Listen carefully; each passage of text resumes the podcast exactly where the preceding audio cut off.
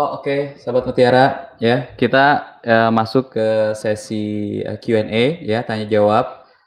Ya, kita tunggu pertanyaan yang masuk baik melalui channel YouTube kami, uh, live streaming Facebook kami, ataupun misalnya dari Instagram, silakan. Uh, Kang Yayan ini ada pertanyaan pertama dari Pak Muhammad Ilham Nazrilah, ya yang bertanya melalui live uh, Facebook. Saya dari Ciwidey, mohon bertanya,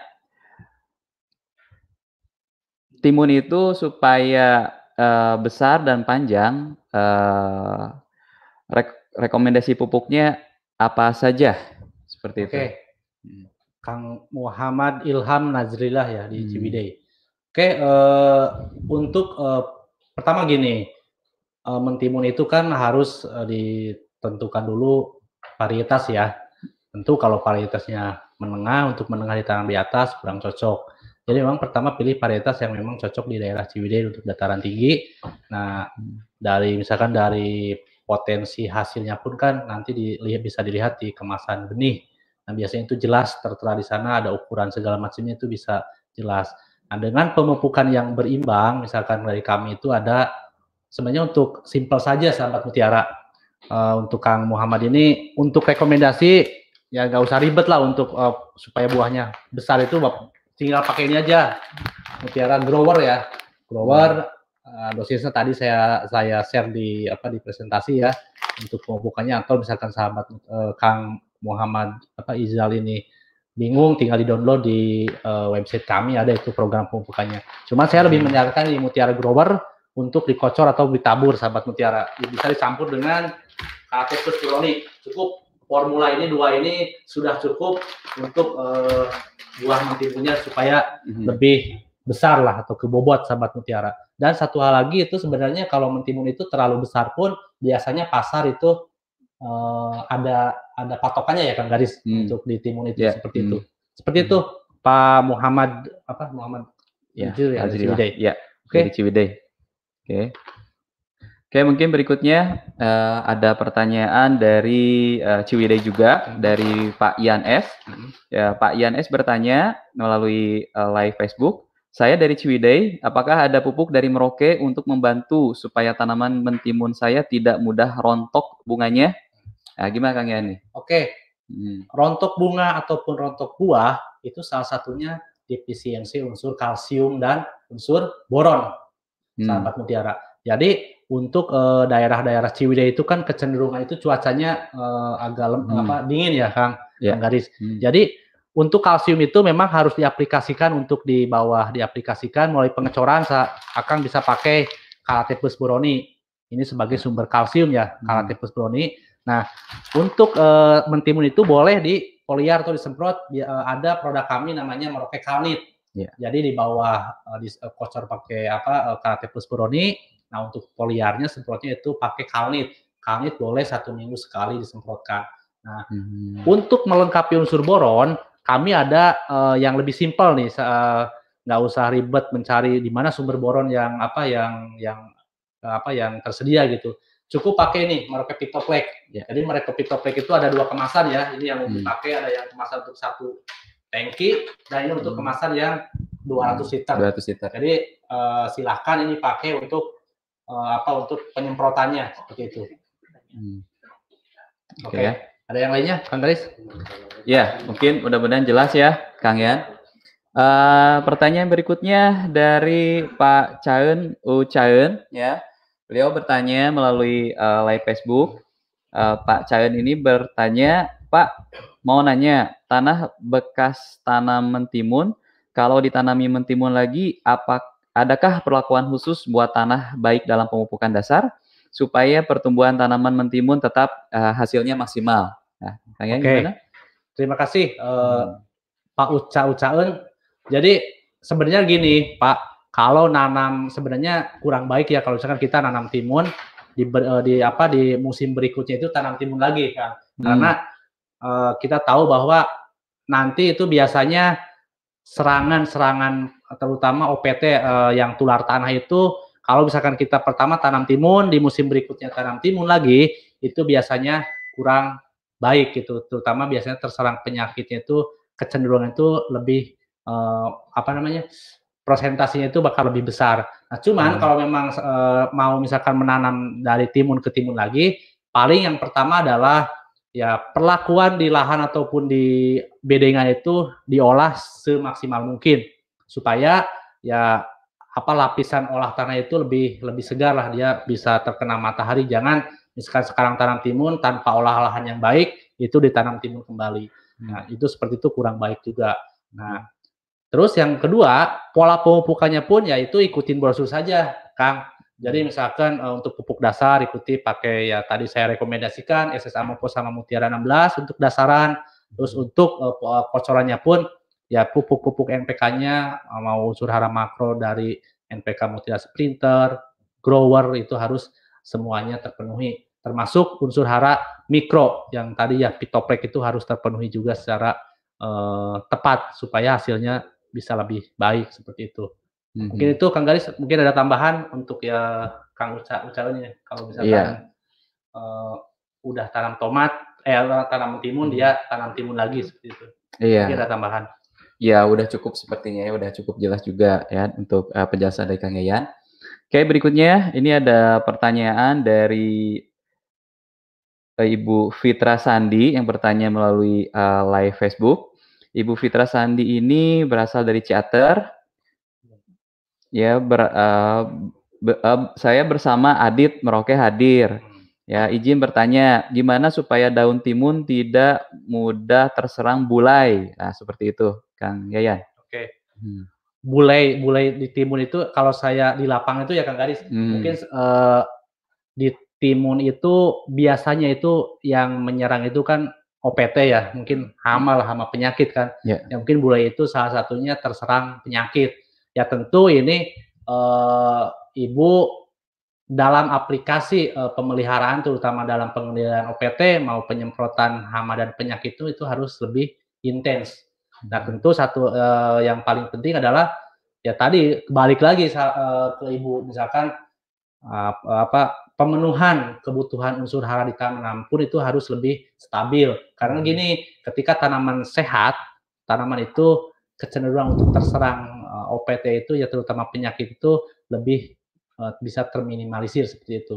Hmm. Mungkin seperti itu Kang Garis. Karena yeah. memang bulai itu uh, di timun itu mungkin ya untuk biasanya dataran-dataran tinggi ya karena kelembabannya tinggi kan. Yeah. Biasanya untuk dataran rendah kecenderungan itu kan yang paling banyak uh, eh, OPT lah harus serangan hama.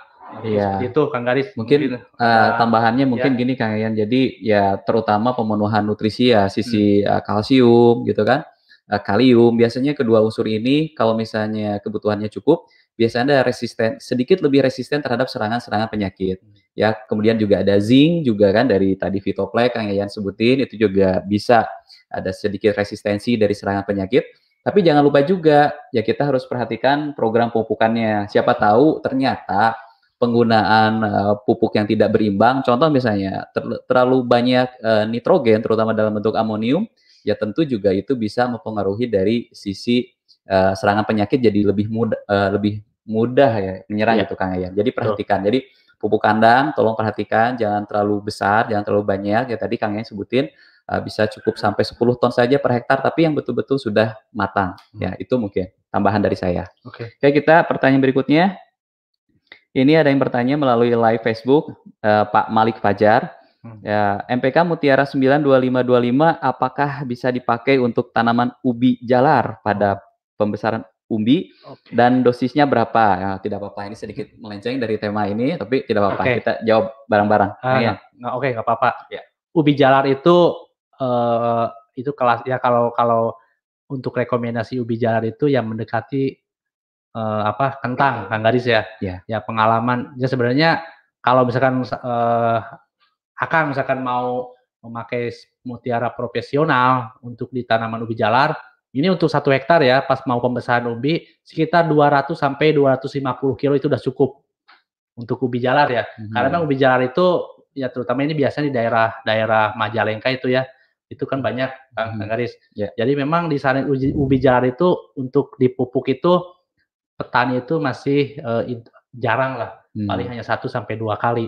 Nah untuk uh, pembesaran ubi itu saya sarankan sekitar 200 sampai 250 kilo untuk satu hektar. Hmm. Jadi kebutuhannya sudah cukup itu untuk pemenuhan unsur P sama K-nya. Paling seperti itu. Oke, yang lain? Ya. Kang Aris. Oke, kita tunggu pertanyaan berikutnya. Ini ada pertanyaan dari uh, Pak Iman. Pak Iman bertanya juga melalui live uh, streaming Facebook.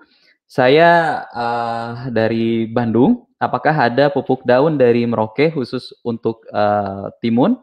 Rekomendasi dari Merauke untuk uh, meningkatkan uh, hasil ya intinya mungkin ada pupuk daun kah yang uh, khusus untuk timun dan yang bisa meningkatkan hasil gitu Kang ya. Oke. Okay. Ya. Uh, untuk timun pupuk daunnya ya untuk ada sih sebenarnya kita ada profit series ya mungkin uh, minggu minggu, minggu lalu, lalu kita sudah sudah dua dibahas, minggu lalu dua minggu dua minggu lalu sudah ya. dibahas sebenarnya hmm. simpel saja uh, akan tinggal pakai uh, profit series untuk masa vegetatif itu bisa pakai profit hijau. hijau.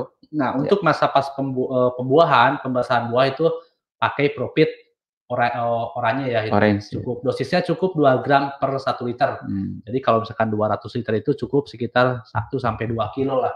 Seperti itu.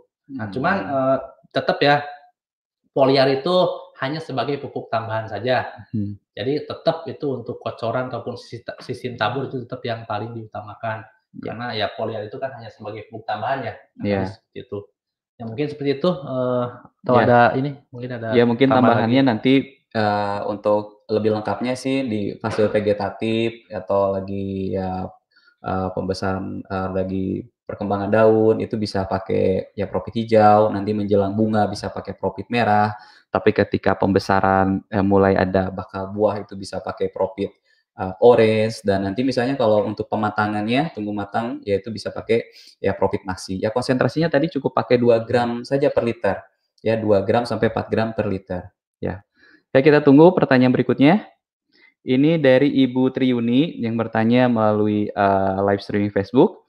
Ibu Tri uh, bertanya, apakah yang membedakan kuning daun pada tanaman mentimun antara virus dan klorosis? Mohon penjelasannya. Oke uh, ini kalau kekurangan harus dibedakan dulu ya antara virus itu kan virus itu uh, sebenarnya sampai saat ini kan mungkin belum ada yang belum bisa dikendalikan ya untuk oh, tanaman itu kan virus itu hanya kita harus tahu dulu apa vektor sebagai pembawanya. Nah, sebenarnya simpel saja gini. Kalau kekurangan unsur hara misalkan kuning kurang nitrogen, itu biasanya lihat di daun-daun tua. Daun yang tua itu biasanya kuningnya ataupun klorisisnya itu biasanya menyeluruh. Nah, biasanya kalau misalkan serangan virus, virus itu biasanya untuk timun itu pertama gini, dia eh, kerdil. Tapi kerdilnya itu ya misalkan satu tanaman kena kerdil, nah dia biasanya kalau tidak cepat segera di apa dikendalikan itu bisa uh, menular ya karena ada vektor di situnya, vektor hmm. sebagai pembawa virusnya. Hmm. Seperti itu. Ibu Tri Yuni mungkin ya. Biasanya ya. vektornya apa? Ya, nah, biasanya vektornya itu ada kutu-kutuan biasanya itu hmm. harus di uh, apa harus dikendalikan. Hmm. Jadi memang kita harus uh, observasi di lapangan itu kita harus benar-benar dilihat misalkan di pucuknya atau di itu ada kutu ya. enggak. Karena itu kutu itu bisa sebagai vektor. Nah, ya. gitu. Kalau kekurangan unsur hara itu misalkan tanaman misalkan ada klorosis di pucuk ataupun di daun misalkan kurang magnesium ya misalkan ibu tinggal disemprot itu tiga hari dua hari itu bisa langsung sembuh, terutama di daun yang uh, tunas yang baru itu bakal lebih tumbuh lebih hmm. ya lebih segar lah. Beda lah kalau virus itu ya kita aplikasikan pupuk atau apa pun ya seperti itu, tetap biasanya uh, kaku gitu kan si pucuk daun atau si daunnya itu kaku. Ya. Itu uh, Putri Yuni ya. Ibu Putri Yuni ya. Oke, okay. yang yang lain mungkin. Oke, okay, mungkin kita tunggu pertanyaan berikutnya. Ini ada uh, Pak Biki yang hmm. bertanya melalui uh, channel YouTube kami. Pak Biki bertanya, salah satu cara untuk mengendalikan hama yaitu dengan cara memberikan pupuk yang banyak agar tanaman dapat hidup sehat dan kuat. Apakah itu sangat dianjurkan untuk dilakukan? Hmm. Uh, sesuatu yang berlebihan itu kurang hmm. baik juga ya, hmm. ya Kang. Ya. ya ini kita makan pun kalau terlalu banyak kan tidak baik. Sama hmm. halnya dengan tanaman, Ketika pupuk kita aplikasikan terlalu berlebihan, nah itu juga kurang baik terhadap tanaman. Ya, contoh misalkan kita uh, memberikan pupuk uh, M terlalu tinggi nih hmm. untuk tanaman timun, biasanya tanaman itu cenderung subur.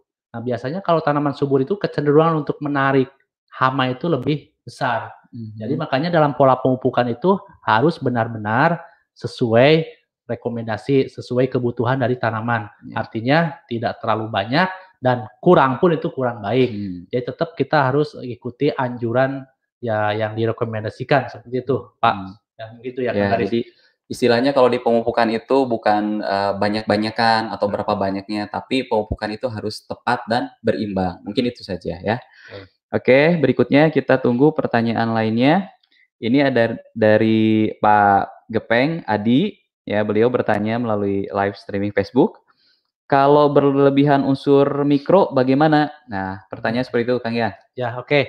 Unsur mikro itu eh eh, misalkan Fe, Fe itu kan besi, mangan ataupun eh, Zn. Hmm. Seng itu kan dia semuanya logam berat ya.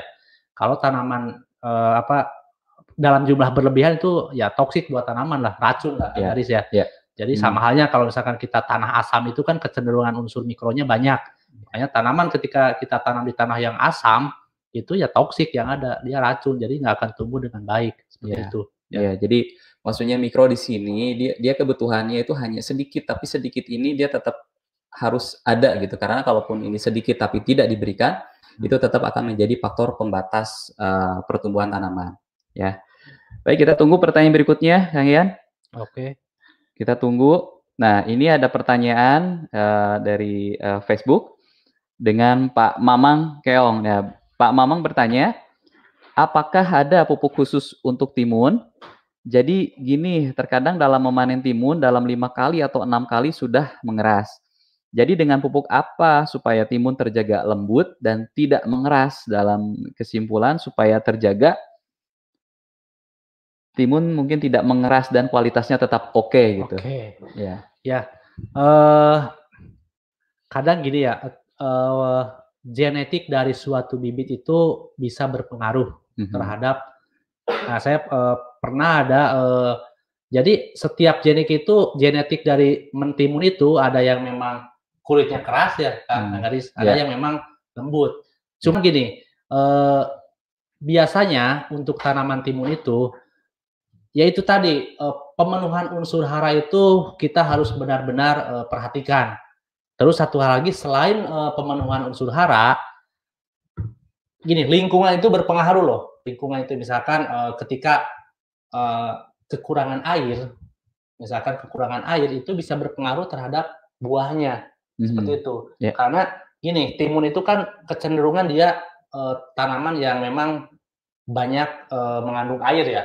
Iya. Jadi dia ketika tumbuh itu kalau as- asupan eh, misalkan nutrisinya sudah banyak, sudah sesuai. Mhm. Tetapi di sana pas musim kering, terus pola pengairan ataupun penyiraman kurang maksimal, Ya. itu bisa berpengaruh terhadap kualitas dari eh, apa namanya buah. Buah. Biasanya itu eh, buahnya itu kecil tapi memang keras lah gitu. Jadi airnya itu eh, kurang, Kurang. Kang ya. Mhm. Jadi yang yang yang saya eh, garis bawahi adalah tetap pemenuhan unsur hara itu ya harus yang seimbang saja. Ya. Tidak bisa sekarang misalkan eh, dikurangi misalkan dari pola pemupukan karena banyak faktor yang berpengaruh. Ya bisa misalkan ya tadi saya sebutkan dari eh, lingkungan juga bisa berpengaruh dan yaitu eh, pemilihan bibit yang memang harus benar-benar bibit cocok untuk di daerah yang ditanam di Mhm. daerah eh, bapak-bapak gitu seperti itu. Ya, jadi sesuaikan dengan eh, lingkungan dulu ya, de- dari sisi genetiknya. Ini ada pertanyaan berikutnya, Kang Yan, dari Pak Ahmad Adin, ya bertanya melalui live eh, streaming Facebook, kenapa buah timun bentuknya suka gagal? Ah, ya, ini nonton bar nonton mungkin bareng dengan Kang Adit ya. Oke, ya jadi kenapa bentuk eh, buah dari mentimun itu katanya suka gagal? Mungkin malformasi bentuk buah, Kang Yan. Oke, eh, malformasi itu salah satunya adalah yang berperan dalam dalam apa dalam dalam eh, bentuk-bentuk buah itu ya di timun itu biasanya unsur kalsium. Tadi saya Hmm. sebutkan di awal bahwa kalsium itu harus terpenuhi dari fase vegetatif sampai generatif. Mhm. Jadi memang itu semuanya harus terpenuhi. Biasanya gagal atau malformasi misalkan seperti ini ya sahabat mutiara. Hmm. Nah ini biasanya eh, bisa karena eh, kekurangan unsur kalsium. Hmm. Cuman satu lagi biasanya Ya, boron juga ya. boron juga bisa berpengaruh. Terus ya itu balik lagi ke eh, air ya. Kalau misalkan musim kemarau itu biasanya sering terjadi ini. Mhm. Jadi itu harus diperhatikan, pengairannya harus cukup, terus ya, ya asupan kalsium dan boronnya harus uh, lebih stabil, artinya konstan itu setiap fase pertumbuhan, hmm. Kang Gadis. Ya. Jadi jangan ketika sudah ada kasus gini kita baru aplikasikan ya. boron, ah, kalsium gitu kan, hmm. karena itu percuma. Ya. Jadi makanya kalsium boron itu ini harus harus dari awal dari masa vegetatif hmm. sampai panen itu harus ya. terus tersedia. Ya. Itulah seperti itu. Ya dengan catatan juga pengairan juga harus nah, tetap terjaga. ya harus ya. tetap terjaga ya karena uh, musim kering juga biasanya kalau kurang air seperti hmm. ini bisa terjadi ya. ya. Nah, seperti itu. Selain itu kan juga kalsium ini kan salah satu mekanisme penyerapan paling besarnya adalah melalui aliran Air, massa. Ah, betul. Jadi kalau airnya tidak ada, ya tidak ada aliran massa dari tanah ke tanaman, ya tentu penyerapan kalsium juga meskipun uh, Bapak tadi udah saya udah pakai pupuknya gitu ya, tapi ternyata airnya kurang, ya tetap ya jadi pupuknya tidak bisa masuk ke tanaman. Oke, kita uh, pertanyaan berikutnya kita tunggu Kang ya. Ini dari Ibu Ana Yusuf. Beliau bertanya, mungkin maksudnya merokek karate bisa tidak dicampur uh, eh, MKP uh, eh, dengan secara kocor, Kang ya?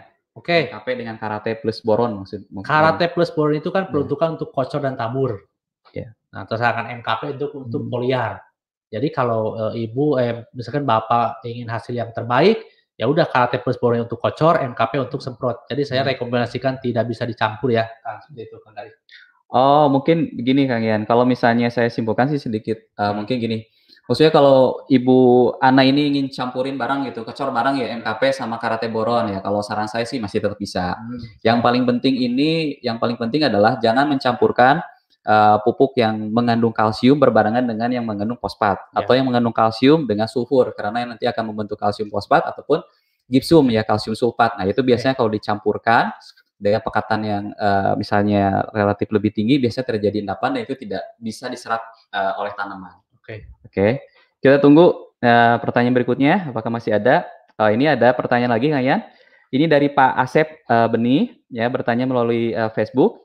Timun saya sering bengkok-bengkok. Apakah itu kena penyakit atau kenapa? Terima kasih. Nah, ya. Uh, bisa banyak faktor yang mempengaruhi untuk uh, malformasi di buah ya. hmm. ya. Tadi saya sebutkan, udah saya sering sebutkan bahwa itu bisa kurang kalsium ataupun karena faktor lingkungan ya kurang ya, air ya, ataupun ya, ya. Uh, apa ya karena irigasinya kurang baik itu apalagi musim kemarau. Ya, ya. Nah, cuman biasanya ada pula misalkan kalau uh, apa uh, malformasi ini karena misalkan di di apa di namanya kena tusuk ini kan, kena tusuk hama itu menusuk menghisap. Uh, ya. Penusuk yang ditusuk hama itu bisa pengaruh juga ke ya ke malfor ini ya, malformasi uh, hmm. buah ya. Jadi hmm. kalau misalkan uh, apa semua parameter sudah dipenuhi, misalkan pengairan bagus, hmm. unsur hara kalsium uh, hmm. misalnya sudah sudah terpenuhi secara baik, ya. nah tinggal nanti lihat di sini kalau ada bekas gigitan atau nusuk hama itu biasanya berpengaruh terhadap bengkok-bengkok uh, itu ya, yeah. karena dia cacat lah ibaratnya gitu kan, yeah. seperti itu. Yeah. Oke. Okay. Oke. Okay. Berikutnya. Kita tunggu pertanyaan berikutnya apakah masih ada. Oke, ini ada Pak MH, MH Channel uh, bertanya melalui channel YouTube kami. Apakah mentimun termasuk tanaman yang sensitif terhadap klor? Pupuk apa yang kira-kiranya tepat supaya mencegah kerontokan bunga? Nah, terima kasih. Oke, okay, Pak MH Channel. Ya, eh, timun itu kan salah satu eh, sayuran ya, sayuran buah, buah. yang, mm -hmm. yang mhm. memang dia uh, kalau misalkan ingin berproduksi banyak itu harus banyak air kalau kata petani saya ya. Hmm. Jadi kalau kalau menurut saya, menurut kami itu ya tidak terlalu uh, uh, dia sensitif terhadap klor itu tidak terlalu tidak terlalu sensitif, tidak ya. terlalu sensitif ya. Hmm. Beda misalkan sama stroberi ataupun misalkan sama apa uh, ya stroberi lah yang memang sensitif klor ya. Hmm. Jadi timun itu tidak terlalu sensitif uh, sama klor hmm. karena dia uh, kecenderungan justru di buahnya itu kecenderungan banyak uh, banyak kandungan air ya untuk timun ya. itu. Nah hmm. seperti itu mungkin seperti itu ya Kang Galis. Terus apalagi tadi tanyanya saya. Oh iya, mungkin pertanyaannya itu. Ya paling itu. Jadi dia bukan uh, apa yang tanaman sensitif dan, klor ya. Dan pupuk yang kira-kira nah, untuk mencegah kerontokan bunga ya itu, katanya. Untuk kerontokan bunga itu memang di mentimun itu eh untuk mentimun ya untuk hmm. sahabat mutiara ini penuhilah inilah kalsium ini kalsium karatebol itu harus Ya. benar-benar terpenuhi di setiap fase pertumbuhan Ya. dari mulai vegetatif sampai generatif ya itu wajib pokoknya ini wajib loh Mhm. dosisnya pun kan nggak terlalu besar ya. Ya. Yang penting tersedia di setiap fase vegetatif dan generatif Mhm. ataupun pas menjelang panen. Nah ini jadi catatan juga biasanya kalau sudah panen beberapa kali itu petani itu kecenderungan untuk pupuk itu bukan males ya mungkin ah udahlah ini udah panen nggak Mhm. usah pakai lagi. Nah ini sampai habis panen itu untuk menjaga buah-buah yang baru itu tetap harus dipakai supaya ya itu gejala-gejala yang tadi bengkok ataupun malformasi buah itu bisa teratasi lah seperti itu. Ya, mudah-mudahan jelas ya, eh, Pak Ya. Oke. Oke, ini ada pertanyaan lagi dari Pak Suhada Dede. Ya, beliau bertanya melalui eh, channel YouTube, channel YouTube juga.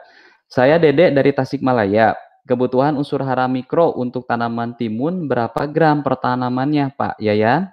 Untuk memenuhinya, memenuhinya aplikasi dengan apa ya? Oke. Seperti itu.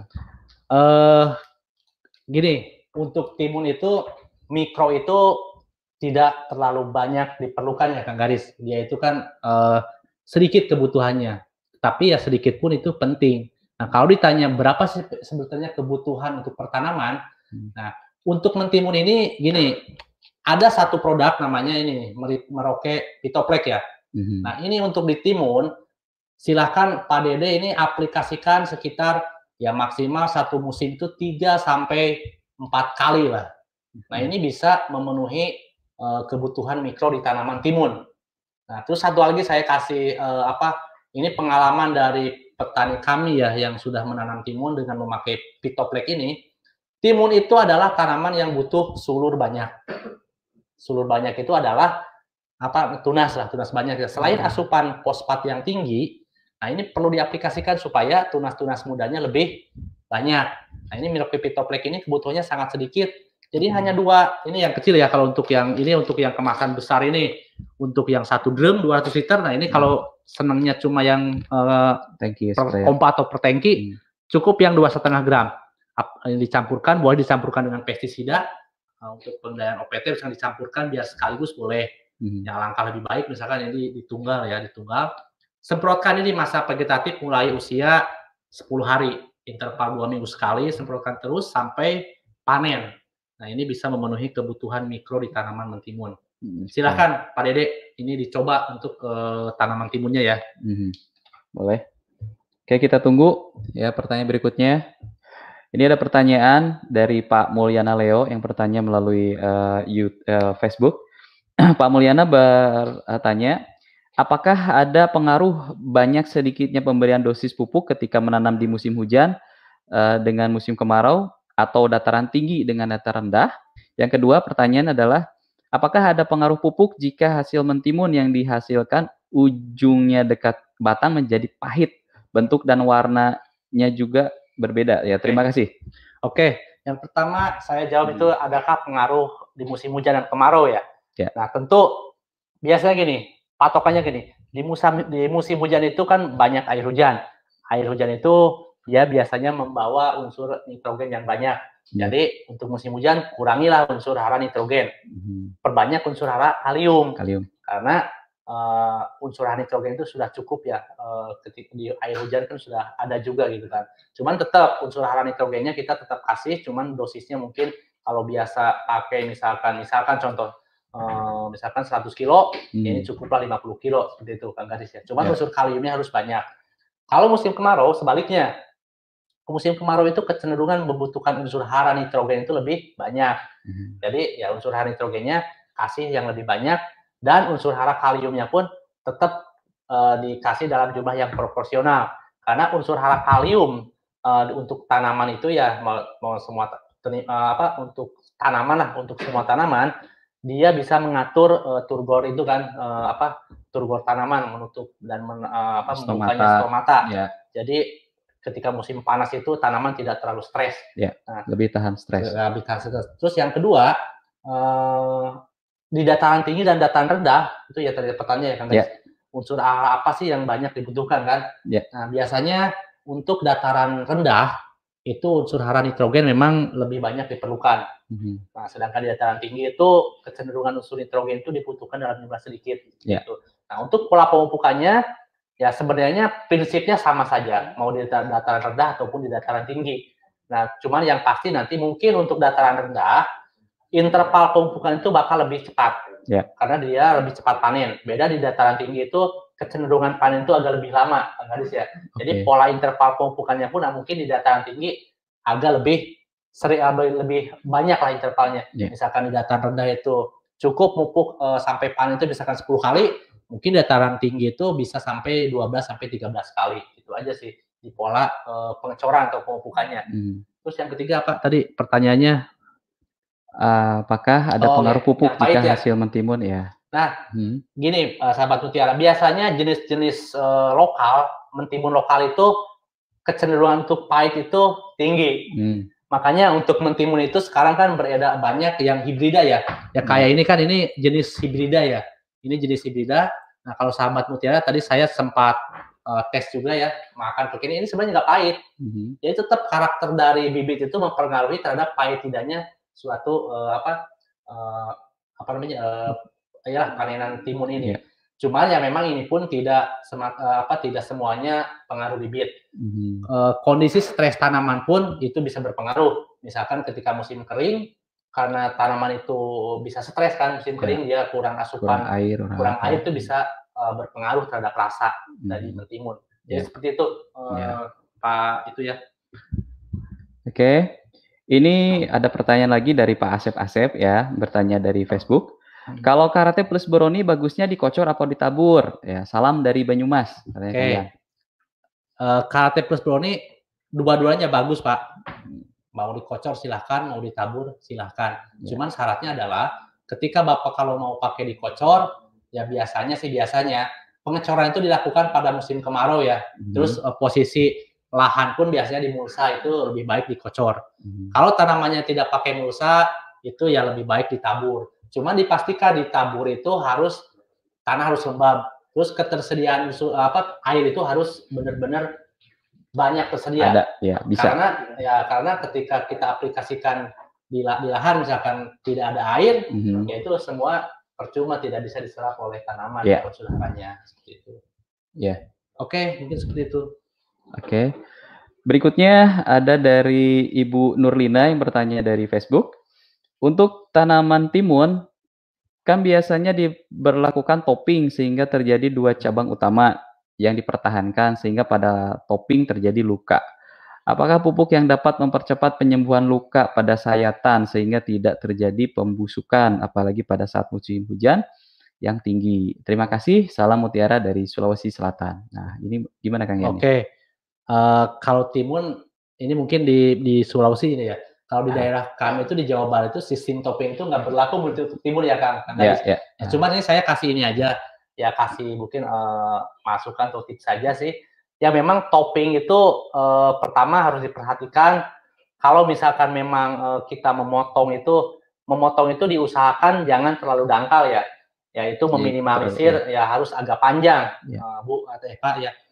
Jadi kalau misalkan agak terlalu panjang, ya ketika uh, dia kecenderungan apa bakteri masuk itu untuk uh, apa masuk ke jaringan itu tidak apa agak lambat tidak cepat, lah, uh. tidak cepat lah gitu. Terus satu lagi pupuk untuk memper, apa mempercepat supaya tidak apa tidak busuk tadi ya. Uh. Ya sebenarnya pupuk itu kan untuk untuk apa untuk makanan atau sudahara ya. Cuman kalau saran saya busuk itu karena pengaruh uh, jamur biasanya. Jadi yeah. Kalau misalkan uh, Bapak sudah memotong atau topping itu tinggal dioles pestisida uh, fungisida, aja pak ya. fungisida aja hmm. jadi bapak oles nah ketika ada air hujan datang kan uh, minimal uh, spora jamur tidak mudah masuk sana karena busuk itu karena pengaruh bakteri biasanya seperti itu oke okay. ya yeah. ya oke okay. jadi uh, sahabat mutiara ya ber uh, berhubung waktu juga ya udah uh, satu jam lebih jadi uh, mungkin kesimpulannya ya kalau tadi disimpulkan, nah mentimun ini ya bisa ditanam baik di dataran rendah maupun dataran tinggi, tapi tinggal disesuaikan saja dengan uh, secara genetiknya ya Kang ya, ya, dengan benih ya. Kemudian itu juga ya menurut BPS sih, menurut BPS katanya kebutuhan bibit atau kebutuhan benih mentimun itu kurang lebih sekitar uh, 1 sampai 2 kilo per hektar dengan produksi kurang lebih sekitar 10 sampai uh, 11 ton ya per hektar. Itu data dari BPS. Tapi tentunya dengan program pemupukan yang tepat, dengan faktor-faktor lingkungan lagi mendukung juga sebetulnya bisa lebih ya Kang ya, bisa sampai 20 sampai 25 atau sampai 30 ton per hektar. Nah, tapi untuk hasil yang terbaik sebab uh, benih mentimun ini sebaiknya disemai dulu Kang Yan ya. ya. Daripada disemai langsung tanam langsung ya supaya apa? Supaya pertumbuhannya juga bisa merata ya, supaya hasil panennya juga bisa uh, maksimal. Nah, perhatikan faktor-faktor pendukung ya, faktor-faktor pendukung lingkungannya karena apa yang dipanen ataupun yang dilihat figur tanaman itu adalah hasil dari uh, genetik yang cocok dengan uh, faktor lingkungan yang ideal. Nah, faktor lingkungan ini tentu tadi pemupukan, pengairan, ya dan lain-lainnya. Dan ya perhatikan juga ya unsur-unsur hara yang harus uh, diberikan ya harus lengkap mulai dari unsur hara makronya dan mikronya karena Salah satu unsur hara saja yang tidak diberikan itu tentu menjadi faktor uh, pembatas uh, pada pertumbuhan mentimun. Nah, itu mungkin kesimpulannya. Nah, sahabat mutiara, ini kan pertanyaan ini masih banyak pertanyaan yang yang masuk tapi belum terjawab. Tentu akan kami uh, buatkan video Q&A khusus ya untuk topik ini. Jadi tunggu video-video uh, kami baik itu di channel YouTube kami yaitu MPK Mutiara TV dan uh, video di uh, Facebook yaitu Merauke Tetap Jaya. Nah mungkin pada Sabtu uh, minggu ini kami akan ada video khusus uh, Q&A ya tanya jawab uh, sesi uh, temu tani online uh, kali ini. Nah sahabat Mutiara ya uh, mungkin uh, kami akhiri saja uh, apa temu tani online kali ini.